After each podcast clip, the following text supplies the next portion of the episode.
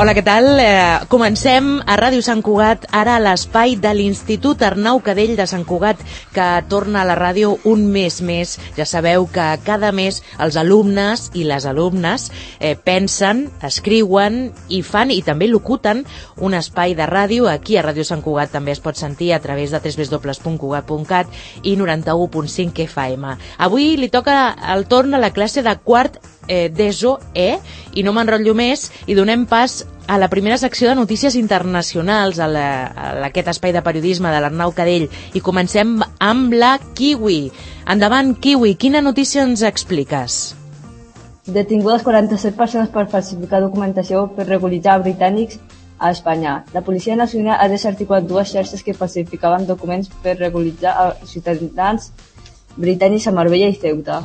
Les xarxes cobraven grans sumes de diners en canvi de l'obtenció de documents espanyoles. Han, han estat 47 persones detingudes, incloent ciutadans britànics, espanyols i marroquins, i s'han trobat nombrosos documents falsificats. Perfecte, Kiwi. Doncs ara continuem amb més notícies que ens porta el Jesús eh, directament per videoconferència eh, a l'aula de quart eh, d'ESOE. Jesús, quina notícia ens expliques? Eh, jo avui explicaré el nou IRA. Eh, la policia d'Irlanda del Nord ha anunciat grups dissidents republicans i en concret l'anomenat nou IRA. Estan acusats de l'intent d'assassinat perpetrat contra l'agent John Caldwell dimecres a la nit a la localitat d'Omac, quan era fora de servei. Són el focus principal, ha dit l'assistent de l'oficial cap, Mark Ewan, tot i que la investigació es troba encara en una fase inicial i mantenim obertes totes les possibilitats, ha matisat. El passat dijous al matí, la policia nord-irlandesa va detindre tres homes de 38, 45 i 47 anys en relació amb el crim. De moment no han transcendit les seves identitats. Molt bé, doncs moltes gràcies, Jesús. I ara donem pas al Gabriel. Eh, el que hi ha darrere la falta de tomàquets al Regne Unit. Què hi ha al Regne darrere? Unit ha començat a haver-hi una falta de tomàquets en les cadenes de supermercats més importants del país, com Mazda o Morrison. Aquests supermercats s'han vist obligats a posar un límit de compra. Les persones van començar a denunciar la falta de tomàquets per les xarxes socials. Un exemple d'aquestes aquest, denúncies és aquesta, resultat directe del Brexit. Realment, tot prové per un mal temporal a Espanya i a Marroc. Aquests dos són els principals proveïdors de tomàquets. Segons l'ambaixada britànica, el Marroc importa el 25% dels tomàquets que es consumeixen. Molt bé, Gabriel. Doncs explicaré una miqueta als oients que, que evidentment, només ens senten que estem directament connectats amb 18 ordinadors des d'una aula de l'Institut Arnau Cadell i ara en aquest espai de ràdio posarem una mica de música i l'encarregat d'escollir de, el ritme d'avui és l'Ecaits. Endavant, per què ens poses la música que ara l'Oriol eh, ens posarà a la ràdio? Eh, bon dia. He escollit la cançó de Calvaran. Eh, aquesta cançó està feta pel Legref, un youtuber molt famós nascut a Múrcia, a Espanya, i he escollit aquesta cançó perquè l'han fet una sèrie de youtubers que m'agraden molt. Mm -hmm. Doncs ens quedem uh, amb aquest tema que, que ens proposes. Bienvenido al party, pico y para pa'l safari Arranco la pantalla, cágala Veo que se te cae la baba Donde se esconde mi pana Sudo la calva toda la semana Y hago cágala Bienvenido al party, pico y para pa'l safari Arranco la pantalla, cágala Veo que se te cae la baba Porque no tengo pelo mi pana Porque no tengo pelo mi pana si un amigo está en peligro, yo lo salvo. Aquí somos personas de bien. Nos hemos reunido el escuadrón calvo. I nos encanta el TNT. Doncs ens quedem amb aquest petit tast musical que ens ha proposat l'Ecaits i ara anem a les notícies, hem començat per les notícies internacionals, ara ens anem apropant i ara ens anem a les notícies més properes, a les nacionals.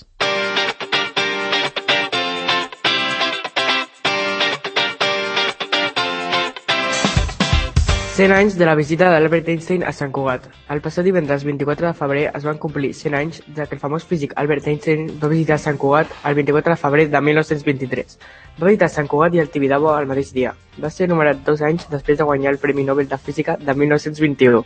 Aquest viatge va impulsar la comunitat de científics a Catalunya i es va motivar a continuar treballant en la investigació i superar les condicions de l'època, les quals eren dures pel fi de la Primera Guerra Mundial a finals de l'any 1918. Moltes gràcies, Jep, per aquesta efemèride i ara continuem amb l'Helena. 2.250 milions d'euros en beques i ajudes per estudiants. Al curs vinent hi haurà un nou adjunt de 400 euros per als estudiants amb necessitats específiques de suport educatiu. La ministra Pilar Alegria el curs vinent repartirà 2.250 milions d'euros en beques i ajudes de l'Estat per a estudiants.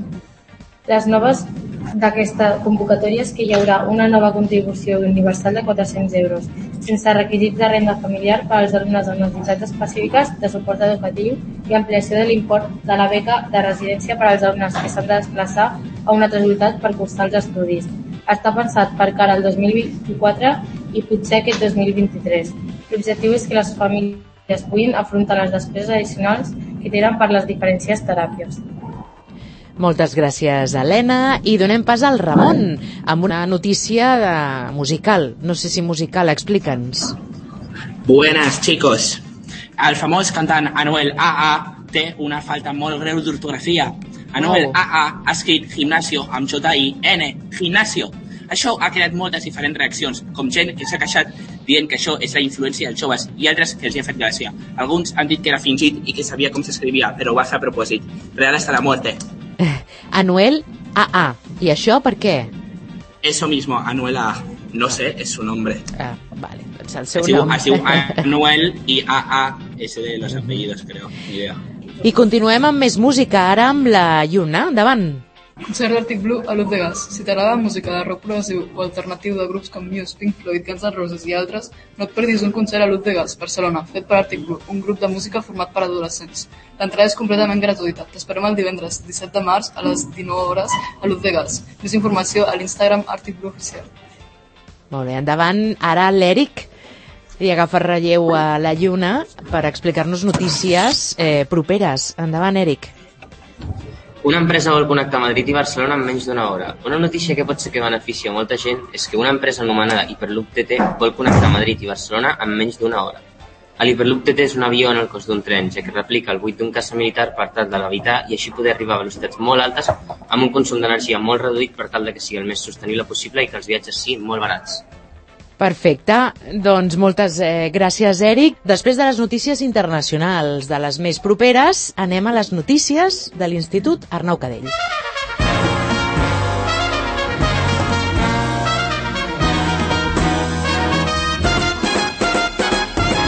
Els gairebé 150 alumnes del quart de l'ESO comencen a investigar sobre el seu futur. Primer visitant el parc i més tard assistint a xerrades sobre les futures professions que podrien tenir els alumnes. Les xerrades més destacades disponibles eren Criminologia i Dret, Consultor de Formació, Energies Renovables i Emprenedoria, Pedagogia i Psicologia Esportiva, Empresarials, Batxillerat Artístic, Programació i Anàlisi de Dades, Arquitectura i Mecànica i Enginyeria Aplicada i diferents especialitats. Moltes gràcies, Nil. I ara sí, Ramon, eh, escoltarem l'artista que abans has, has mencionat. Pues sí, escoltarem una cançó que es diu La Bebé, feta per Anuel AA, Cardi B, Black Jonas Point i Secreto and Little Shaq. És una cançó que l'he escollit perquè és una cançó que m'agrada molt i m'ha fet reflexionar sobre temes que si no hagués escoltat mai abans hauria reflexionat sobre ells. Mm -hmm, doncs ens quedem amb aquest tema d'aquest artista. Seria molt difícil de repetir, no seré capaç de repetir només anual, Anuel, Anuel! Anuel Anuel AA. AA. Endavant. hecho más de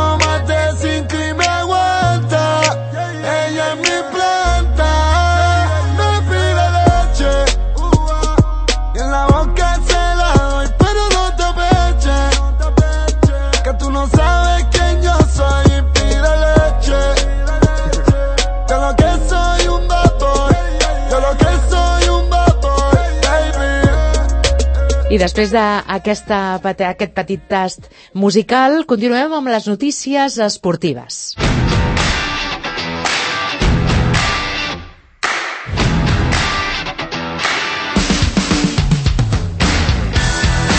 Endavant, Héctor.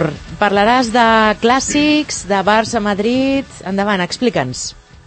Bé, última hora. S'acosta un dels partits més esperats de l'any. El clàssic espanyol entre el Barcelona i el Real Madrid a la Copa del Rei. El partit es durà a terme al Bernabéu el 3, el 3 de març i promet ser un xoc emocionant entre els dos equips més grans del futbol mundial. Tots dos equips arriben en un bon moment de forma, amb el Barcelona liderant la Lliga Espanyola i el Real Madrid molt a prop darrere de la taula. A més, tots dos equips compten amb una llarga llista d'estrelles a les seves plantilles, per la qual cosa el partit promet ser molt renyit, encara que el Barça compta amb tres baixes, Pedri, Dembélé i Lewandowski. No et perdis aquest emocionant clàssic espanyol entre el Barcelona i el Real Madrid a la Copa del Rei. Moltes gràcies. Héctor, ja m'ho apunto a la meva agenda, però el Jan Andrade ens porta més cites eh, esportives. Endavant. Bon dia i benvinguts a la prèvia del partit de la Lliga entre el Real Betis i el Real de Madrid. Aquest emocionant enfrontament tindrà lloc el pròxim 5 de març de 2023 a l'estadi Villamarín. El Madrid, dirigit pel tècnic Carlo Ancelotti, buscarà sumar punts per seguir lluitant per la Lliga. Per altra banda, el Betis anirà amb la intenció de donar la sorpresa i endur-se els 3 punts a casa. Aquest enfrontament serà un xoc entre el segon i el cinquè de la Lliga i promet ser un partit emocionant i intens. No te'l perdis. Doncs tampoc me'l perdré. M'ho apunto també a la meva agenda. Ekaitz, més cites esportives.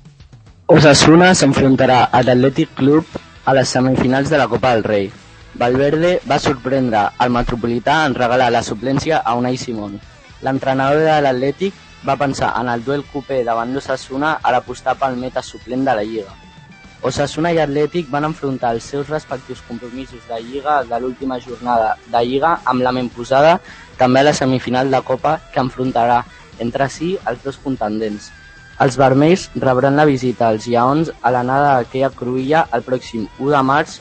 La tornada a disputar a Sant Mamés s'endarrerirà fins al 4 d'abril. Molt bé, Caid, moltes gràcies. I ara el Piero eh, posarà el punt i final en aquest espai esportiu a dins d'aquest programa de ràdio que fem des de l'Institut Arnau Cadell en connexió directa amb l'estudi 1 de Ràdio Sant Cugat. Piero.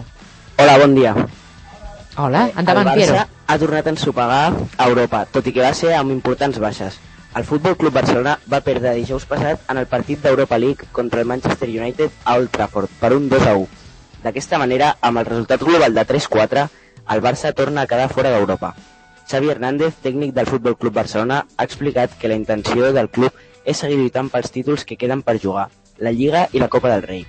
La preocupació del club són les baixes de Pedri i Dembélé, amb qui, a part de Gavi, no han pogut comptar en aquest últim partit d'Europa League.